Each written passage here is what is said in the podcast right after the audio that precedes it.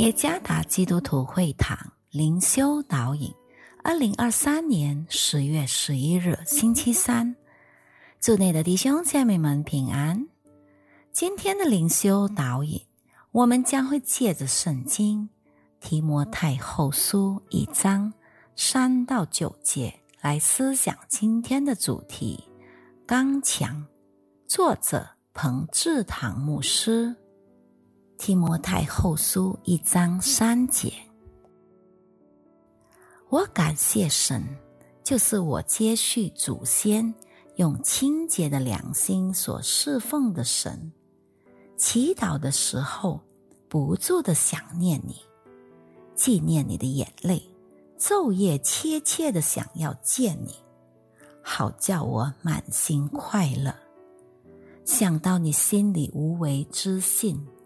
这信是先在你外祖母罗以和你母亲有尼基心里的，我深信也在你的心里。为此，我提醒你，使你将神借我按手所给你的恩赐，再如火挑旺起来，因为神赐给我们不是胆怯的心，乃是。刚强、仁爱、谨守的心，你不要以给我们的主做见证为耻，也不要以我这为主被求的为耻，总要按神的能力与我为福音同受苦难。神救了我们，以圣招招我们，不是按我们的行为。乃是按他的旨意和恩典，这恩典是万古之先在基督耶稣里赐给我们的。今年的七月初，有一对来自中国的夫妻来我们家做客，他们来探望我们，是因为我们已经好几年没见面了。从他们那里。我们得知许多关于当地基督徒状况的信息。中国政府日益限制基督徒的活动，特别是家庭教会，或称地下教会。曾有过家庭教会领袖被捕而入狱，然而这并没有浇熄神的儿女继续赞美敬拜的热情。家庭教会的基督徒对各种困难与威胁已经司空见惯了，他们的教会场所经常被政府关闭，但他们又会在其他地方重新开启。他们从不就此放弃，反而更有勇气为神做见证，以及。侍奉神。保罗在提摩太后书第一章七节这么说：“上帝赐给我们不是胆怯的心，乃是刚强、仁爱、谨守的心。”提摩太是保罗属灵的儿子，他是受托来牧养会众。提摩太还很年轻，也没有太多经验，但。保罗对提摩太寄予厚望。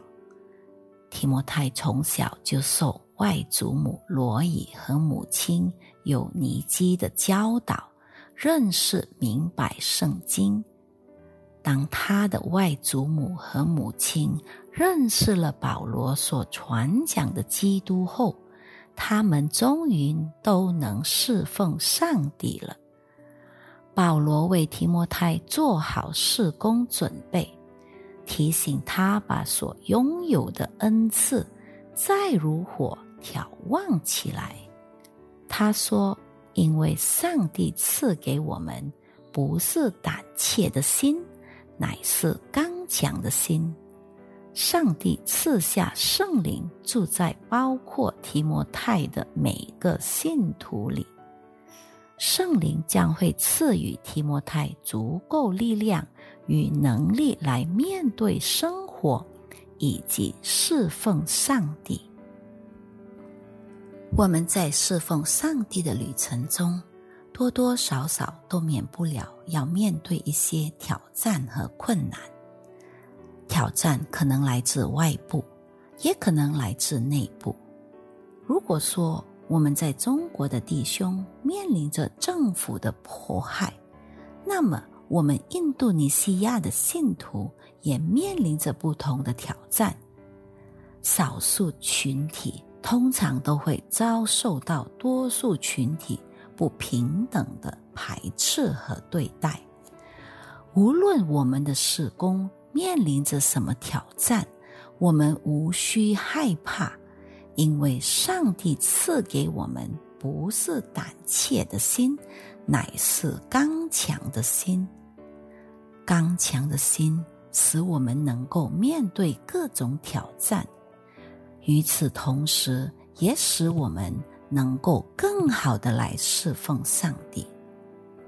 上帝赐给我们不是胆怯的心，乃是刚强的心。